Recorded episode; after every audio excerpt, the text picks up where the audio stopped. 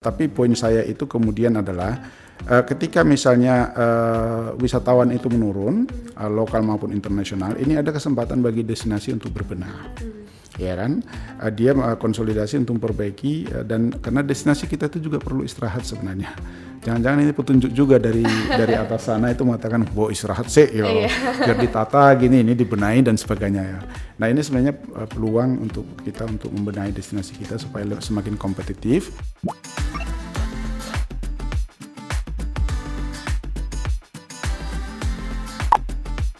Halo kawan UGM, berjumpa dengan saya Anindya Ayu Serwina di UGM Podcast episode kali ini membahas mengenai dampak COVID-19 terhadap pariwisata khususnya di Indonesia. Dan saat ini saya sedang bersama dengan salah satu narasumber dari Pusat Studi Pariwisata Universitas Gajah Mada yaitu Profesor Dr. Janianton Damanik.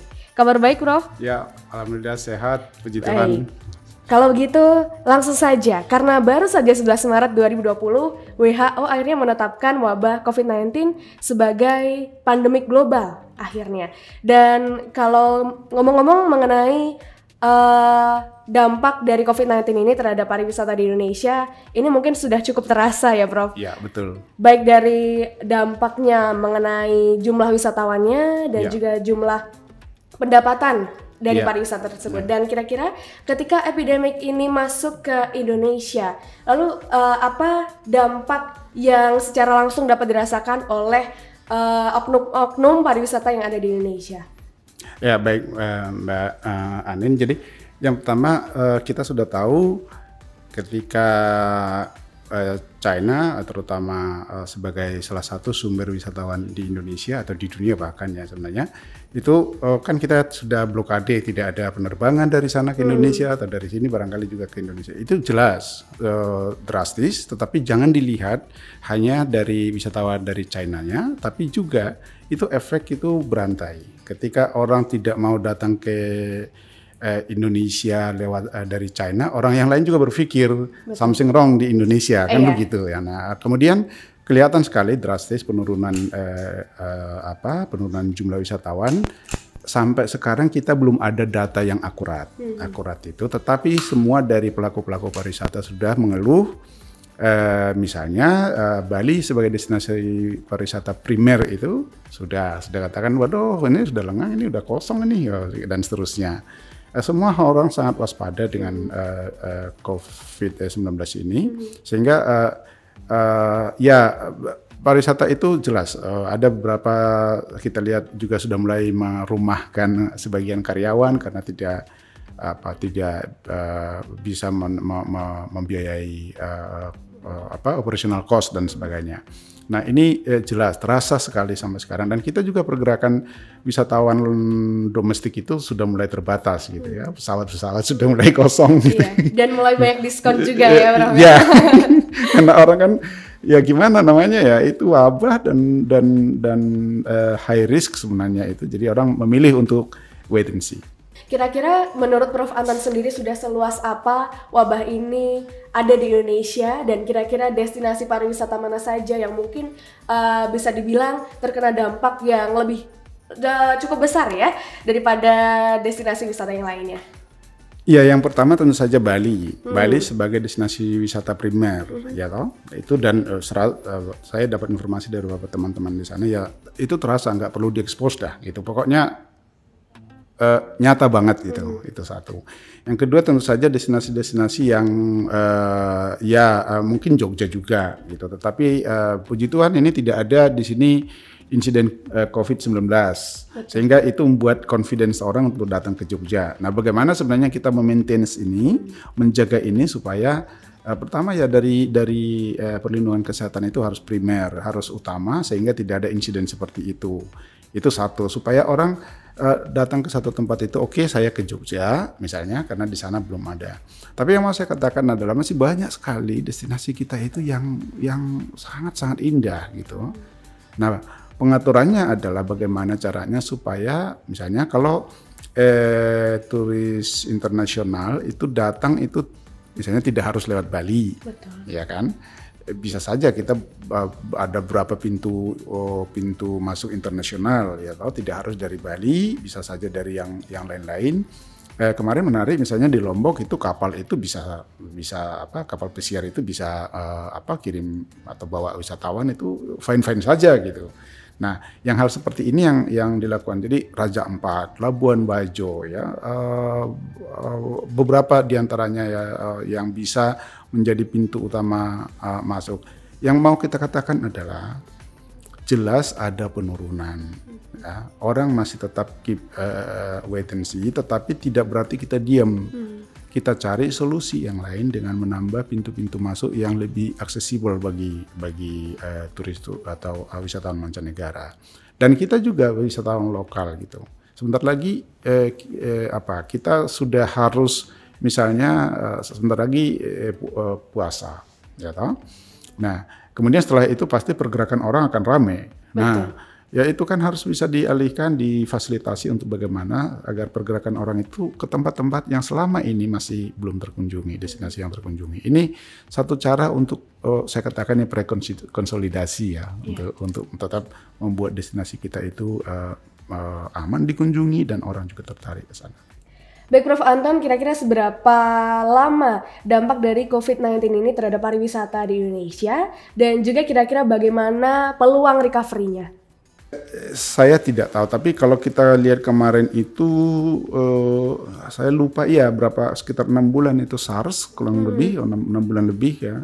SARS itu efeknya apa? Tapi beda dengan SARS, eh, eh, apa namanya penyebarannya ini lebih luas, mbak. Kalau SARS dulu kan tidak uh, hanya di Asia kurang lebih ya, ini sekarang Eropa gitu. Uh, dan mungkin juga nanti eh, di di tempat lain di di Amerika Latin saya nggak tahu.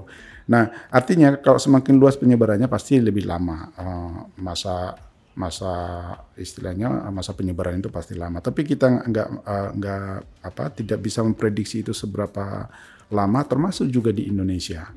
Nah um, yang bisa kita katakan semakin protektif kita dengan uh, Indonesia dengan uh, negeri kita itu misalnya tadi membatasi orang datang dari sumber-sumber penularan misalnya loh sambil kita juga recovery kita dari dalam negeri yang sudah terkena itu bisa misalnya direduksi langsung ada uh, apa namanya uh, respon yang yang solutif untuk itu misalnya itu akan akan semakin berkurang. Saya tidak punya kompetensi untuk menjelaskan itu berapa lama tetapi poin saya itu kemudian adalah Uh, ketika misalnya uh, wisatawan itu menurun, uh, lokal maupun internasional, ini ada kesempatan bagi destinasi untuk berbenah, hmm. ya kan? Uh, dia uh, konsolidasi untuk memperbaiki uh, dan karena destinasi kita itu juga perlu istirahat sebenarnya. Jangan-jangan ini petunjuk juga dari dari atas sana itu mengatakan, "Bo istirahat sih, ya, biar ditata gini, ini dibenahi dan sebagainya ya." Nah ini sebenarnya uh, peluang untuk kita untuk membenahi destinasi kita supaya semakin kompetitif sehingga nanti uh, setelah apa setelah wabah ini mereda gitu atau bahkan pulih total itu kita sudah nyaman ya. destinasi kita itu sudah sudah welcome bagi bagi wisatawan kita. Dan tentu sudah lebih baik ya Prof ya. Persis. Kita berharap semoga lebih cepat, lebih baik begitu Prof ya.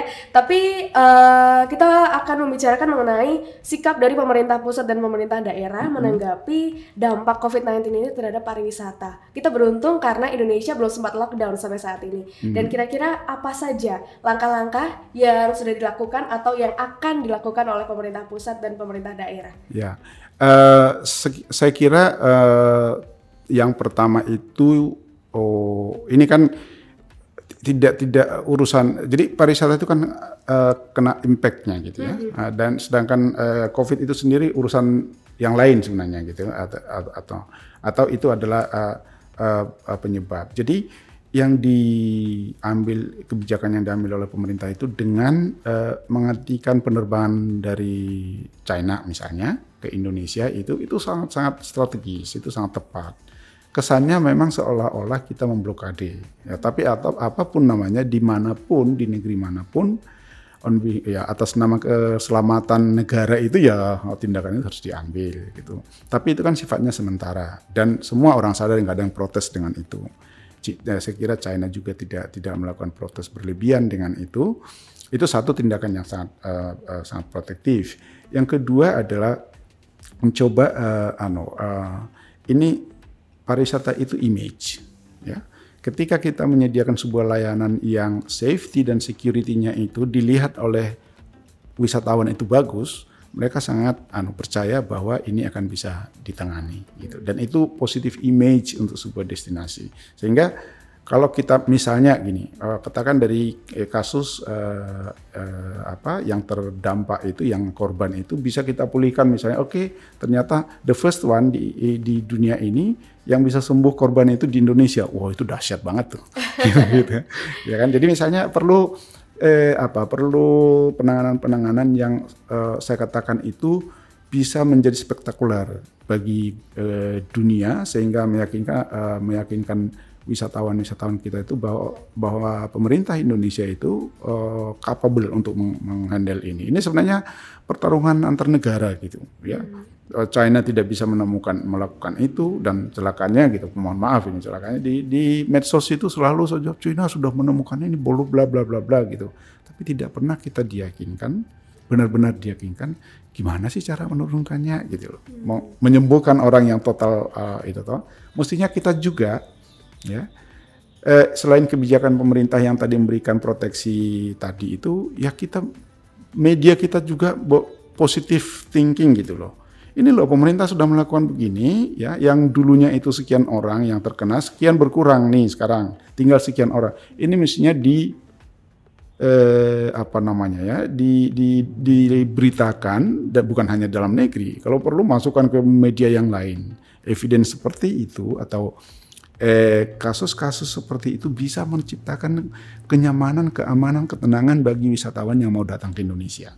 Nah, jadi itu yang perlu di, di, dilakukan juga di level pemerintah. Jadi komunikasi, ya, komunikasi kepada dunia luar bahwa we are very safe.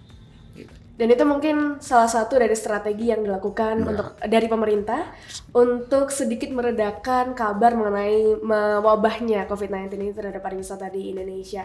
Dan apakah efektif Prof dari travel influencer ini hmm. untuk menstimulasi adanya uh, pen, uh, wisatawan yang datang baik dari mancanegara maupun wisatawan domestik untuk kembali berwisata di destinasi Indonesia, wisata di Indonesia. Ya, di Indonesia. Oke, okay. uh, eh, baik pertanyaan menarik Mbak. Um, um, namanya travel travel influencer itu kira-kira gini orang-orang uh, yang uh, punya apa namanya punya reputasi untuk berwisata di berbagai negara atau berbagai destinasi pariwisata, kemudian dia mencoba mengunjungi destinasi yang lain dengan maksud supaya uh, follower-followersnya itu tertarik, oh di sana bagus dan sebagainya. Ya kira-kira begitu uh, makna travel influencer.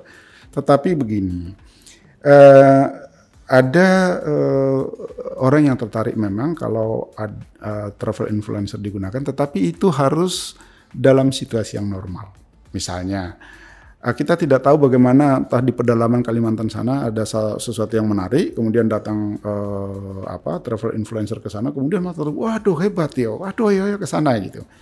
Nah itu normal uh, kondisi normal. Tapi kondisi yang abnormal seperti eh, wabah yang ada sekarang ini, mungkin travel influencer tidak begitu efektif.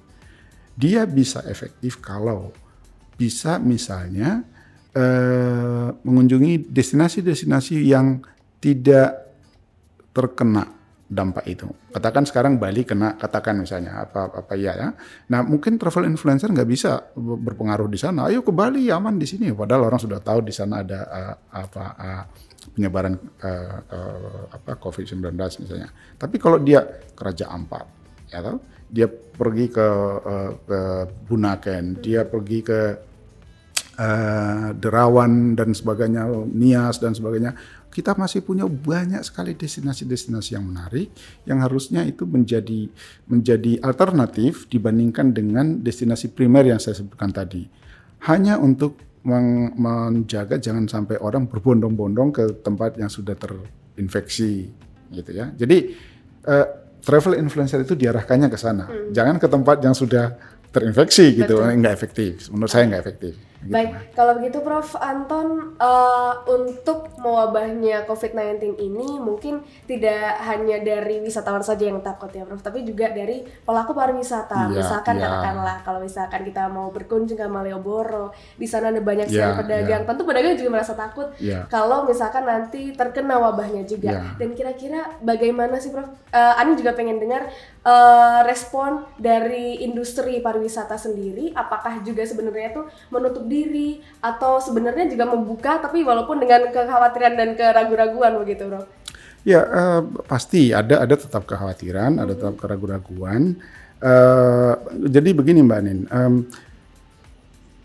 pelaku industri itu kan sebenarnya yang dia pikirkan itu adalah bagaimana supaya orang datang beli jasa dia. Hah, Hotel laku, kemudian travel organizer eh, eh, apa travel eh, organizer itu bisa tetap dapat dapat eh, customer kan begitu. Eh, Tapi dengan situasi yang ada sekarang ini mereka juga sangat ya sangat sadar bahwa itu ada ada tidak mudah mencapai seperti itu. Nah, yang mereka lakukan itu adalah kemudian eh, eh, meng, ano, mem- memberikan keyakinan-keyakinan kepada customernya itu atau kepada wisatawan itu bahwa kami melakukan sesuatu yang terbaik. Contohnya ada satu misalnya saya lupa di negara mana itu saya lihat di media itu hotel itu di selalu di apa namanya dibersihkan dengan dengan nah, alat pembersih. Saya tidak tahu apakah itu juga berlebihan, ya tahu. Barangkali maksudnya untuk menunjukkan saya menyediakan jasa kepada anda itu dengan eh, tingkat safety yang yang prima misalnya kan bisa seperti itu. Nah it- eh, boleh saja juga itu efektif bagi wisatawan-wisatawan yang mungkin secara apa ya secara psikologi itu eh, dia itu tidak risk taker gitu. Ada orang yang risk taker kalau mengatakan misalnya, oke Raja Ampat, oh saya nggak perlu dipromosikan saya ke sana.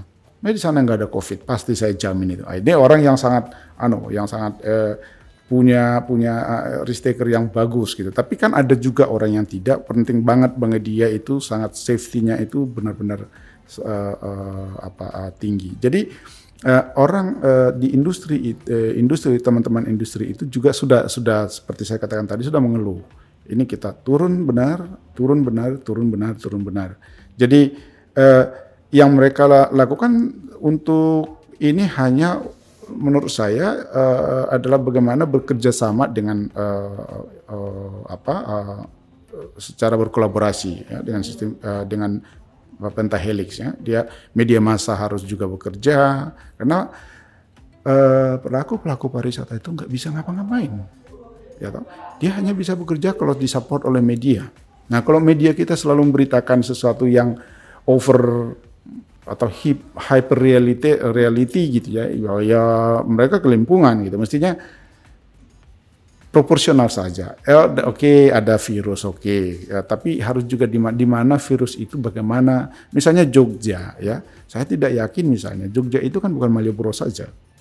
Ada daerah lain yang barangkali juga tidak begitu ramai, tapi juga eksotis juga. Nah, kenapa misalnya media harus berperan? Ayo Anda ke sini, ya, ayo Anda ke sini, gitu. Tidak hanya di Malioboro numpuk, gitu. Ya, with or without uh, uh, uh, COVID, apa, COVID-19 ya Malioboro pada musim musim ramai udah sumpah orang orang nggak nggak begitu begitu tertarik lagi ke sana. Tapi maksud saya adalah eh, tidak dibebankan bahwa oke ada tour operator, ada eh, eh, apa travel eh, organizer, ada hotel. Ya, tapi itu bukan juga itu nggak nggak fair juga diserahkan ke mereka, ya untuk penanganannya penanganannya itu. Yang bisa mereka lakukan, I serve you better, itu aja. Yang lain nggak bisa, gitu kan?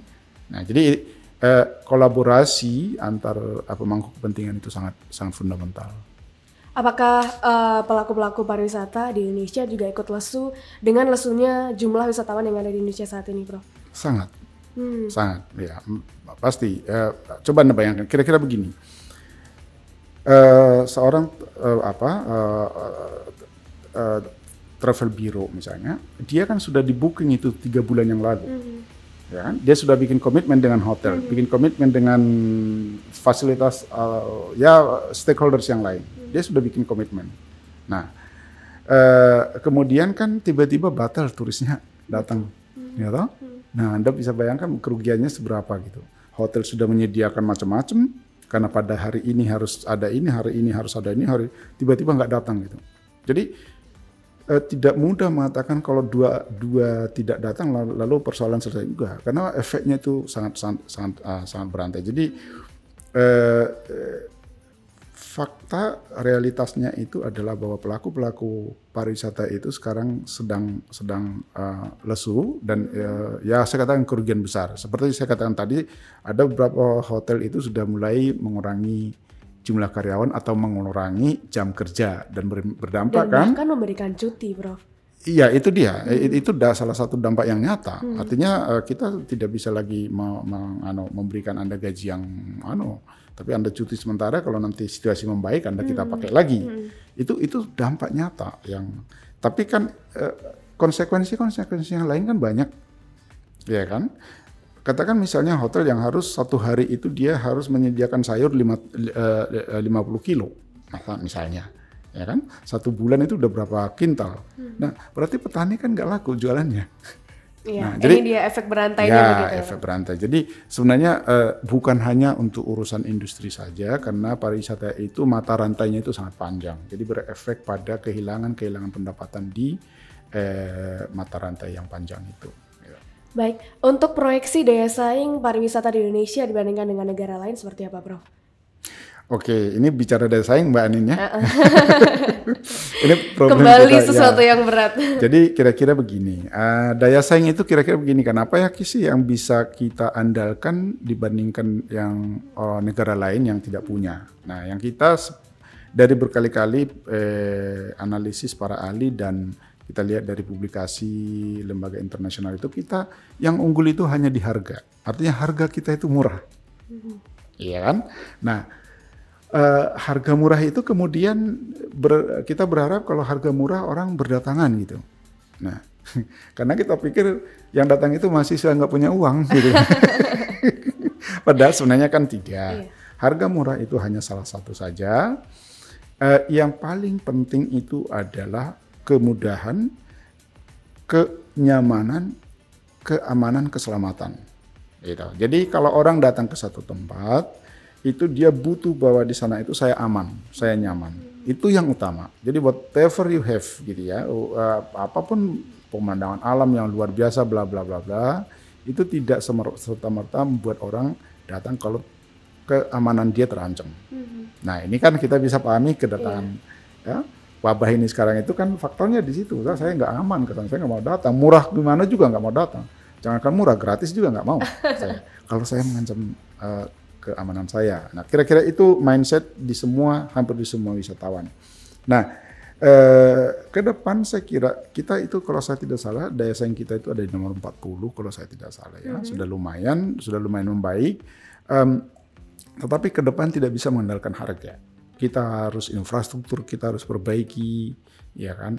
Misalnya gini, contohnya di pariwisata sederhana sih sebenarnya ya untuk untuk para apa uh, uh, teman-teman semuanya kalau misalnya orang datang ke Indonesia atau orang uh, siapa pun yang datang ke Indonesia untuk untuk liburan, dia harus berpikir kalau saya bayar 1000 US dollar, saya dapat apa di sana? Mm-hmm. Kalau saya bayar, bayar 1000 US dollar di negara lain, saya dapat apa? Lalu dia komparasi, bandingkan.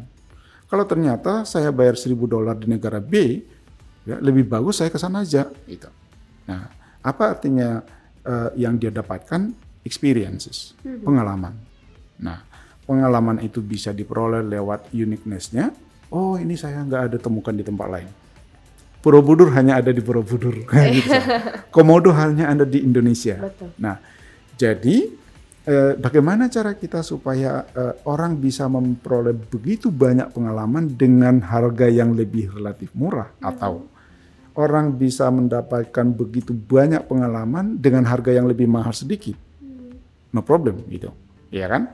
Nah, tetapi untuk mendapat pengalaman yang berharga itu, itu yang kita fasilitas kita kurang, infrastruktur, ya kan? Nah, misalnya kalau orang datang ke eh, ke Indonesia, Bali misalnya, atau Jogja misalnya, apa yang bisa saya dapatkan di Jogja selama tiga hari, ya kan? Ah, tuh, uh, ya Borobudur satu setengah hari selesai, lalu ke keraton, bla bla bla, ya satu satu malam cukup, gitu. Nah, infrastruktur itu kita harus sediakan juga yang lain-lain. Ada infrastruktur pariwisatanya, mestinya tidak hanya Borobudur keraton.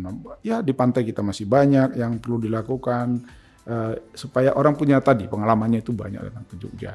Jadi infrastruktur itu harus diperbaiki, kemudian juga yang lain-lain uh, ekosistemnya harus di, di, uh, diperbaiki. Contoh satu mbak gini, ya ini untuk Jogja khususnya ya di Jogja itu orang selalu mengatakan kota lama, ya kan? Atau atau ya sult, uh, apa namanya keraton itu punya efek yang luar biasa. Mm-hmm. Ya, Persoalannya kemudian ketika uh, orang berpikir Jogja adalah cultural budaya, kita mulai kehilangan identitas kebudayaan itu di Jogja. Yang kasat mata misalnya bangunan. Anda lihat ya, ya semakin banyak bangunan-bangunan yang tidak beridentitas Jogja di Jogja ya kan? Ya contohnya saja kalau kita ke hotel di Jogja ini, bentuk hotelnya, arsitektur hotelnya sama dengan yang ada di kota-kota yang lain. Sudah modern. Ya, ya jadi ini kita ini kita jadi orang datang itu lu ngapain saya ke sini kalau cuma begini gitu. Mestinya mana Jogjanya sih gitu, ya kan? Bangunan kita harus kembali ke bangunan eh, eh, arsitektural eh, Jogja misalnya ya ini syukur sekarang sudah mulai kelihatan juga identitas identitas yang lama itu sudah direvitalisasi ya. Seperti teman-teman yang ada sekarang ini Rekomis Paing ini ya, iya. ini sudah muncul batik ya that's it gitu. Itu yang harus kita lakukan. Ngapain pakai jas? Bukan budaya Jogja jas. Hmm. ya. Nah ini ini yang mau kita tampilkan supaya daya, daya saing kita itu semakin kuat dibandingkan dengan daerah-daerah lain. Jadi bukan hanya di harga ya toh mau harga apa pun harga murah ya, itu saya katakan saya itu hanya satu satu, satu faktor masih ada faktor yang lain orientasi selalu orang berwisata kumpulnya ke Jawa itu yang jadi masalah terkonsentrasi terkonsentrasinya di Jawa ke Jawa hmm. Bali hmm. harusnya itu ya dari Jawa ke tempat yang lain hmm. nah kalau kita bandingkan misalnya data wisatawan yang ada di destinasi di luar Bali dan eh, eh, di luar Jawa Bali dan eh, Jawa Bali itu jomplang gitu toh. Mm-hmm. ini dialirkan. Saya mengatakan begini, ini sangat besar. Karena apa?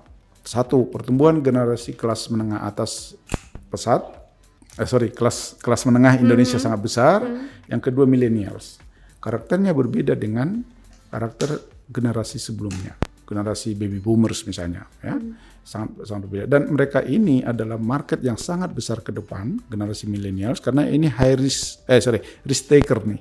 Yang ya? cukup yang cukup berat ya ya ya kadang-kadang ah, nekat lah kadang lebih.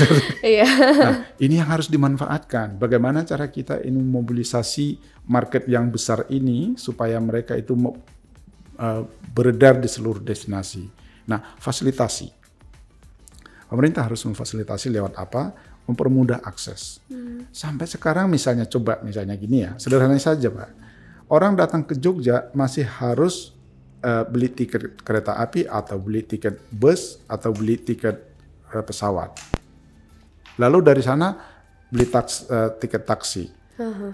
Beli tiket kereta api lanjutan atau mungkin beli tiket bus kalau ke tempat lain. Mestinya kan bisa dibuat uh, satu paket. Oke, okay?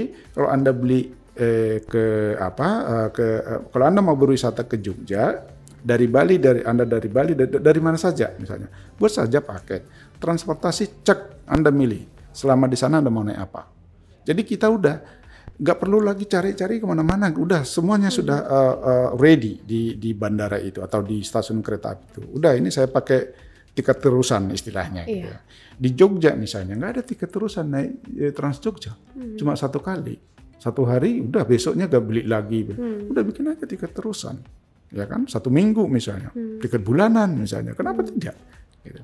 nah itu salah satu mbak ya, yang buat untuk facilitating di generasi milenial sini karena generasi milenial ini nggak suka yang ribet-ribet gitu. Hmm. dia sangat pragmatis. Ya. baik Prof. Anton untuk uh, pertanyaan sebagai penutup juga kira-kira rekomendasi dari Profesor Anton untuk pra pariwisata yang ada di Indonesia ini seperti apa? Baik Uh, yang pertama gini, uh, tidak terlalu panik, hmm. tidak panik lah kurang lebih gitu ya. hmm. ya, tidak panik, santai saja, di mana pun ada uh, uh, ada tantangan gitu. Oke, okay, ada COVID-19, ya kita tahu bahayanya sudah sudah tahu, semua orang sudah tahu ya. Kemudian yang kita lakukan kalau berwisata sekali lagi pergilah ke tempat yang belum terkontaminasi virus itu. Yang kedua, pakai standar standar biasa saja. Ya tadi ya semua sudah ngomong pakai masker kalau apa jangan bersentuhan langsung kalau perlu tidak perlu salah kalau apa ya bisa tidak perlu salaman ya, itu sudah standar-standar yang tidak perlu lagi di di ano. Uh, yang ke, uh, yang ketiga saya kira kemudian adalah uh, apa uh, di dalam berwisata itu kan kita kadang uh, perlu memilih misalnya ya tempat-tempat di mana orang itu tidak agak sedikit berkunjung mm-hmm. ya kalau misalnya di di Labuan Bajo kan nggak nggak perlu anda mau harus ke restoran yang itu udah makan di warung yang apa yang sederhana saja yang kira-kira pengunjung asingnya tidak tidak banyak nah eh, kita dibelajarkan oleh situasi itu bagaimana kita meminimalisasi kontak dengan atau potensi kontak dengan uh, sumber penyakit mm-hmm. gitu itu itu saja. Jadi kalau saya sih tidak tidak merasa apa tidak merasa sesuatu uh, yang super ekstra gitu ya. Yang jelas kalau kita fisik kita lemah kalau kita tidak fit nggak perlu dulu jalan karena itu mudah terkontaminasi. Jadi uh, tidak ada yang ekstra ekstra sekali yang harus dipersiapkan untuk berwisata itu. Jalan saja gitu di tempat wisata jangan tidur saja kerjanya, ya, aktif saja bergerak aja gitu. Harus eksplorasi juga ya bro. gitu. Ya, di, itu itu saya kira itu ya nggak. Kalau saya sih mbak melihatnya tidak tidak terlalu apa tidak terlalu uh, berlebihan gitu ya. Anggap saja uh, bahwa ada ada tantangannya penyakit seperti itu yes gitu ya. Nah kontak selalu informasi kita sedapat mungkin kita mendapat uh, apa penjelasan dari uh, apa otoritas di destinasi itu seperti apa penanganan uh, uh, apa namanya uh, penanganan uh, virus ini dengan mudah. Itu mau mengapa kita ya mau memudahkan kita untuk ya enjoy enjoy your life gitu. Jangan terlalu takut. Iya. Dan mungkin saran untuk calon wisatawan ini adalah untuk terus menjaga kesehatan ya. dan memperbarui informasi terbaru dan terkini Tentang, mengenai ya. destinasi wisata yang ya. akan dituju begitu da, ya Pak? Ya, dan dan hindari tempat-tempat yang terlalu banyak orangnya gitu ya. Baik. Dan bisa kita cari pengalaman di tempat yang tidak ada orangnya. Baik, terima kasih banyak Profesor Dr. Jani Antonda Manik ya, atas sama-sama, waktunya. Mbak Anin, dan ini adalah uh, salah satu uh, episode yang cukup berat tapi juga dibawakan dengan santai juga. Terima kasih banyak Profesor Antar. Sama-sama. Dan Amin. sekian dulu uh, episode dari UGM Podcast kali ini. Sampai jumpa di UGM Podcast selanjutnya.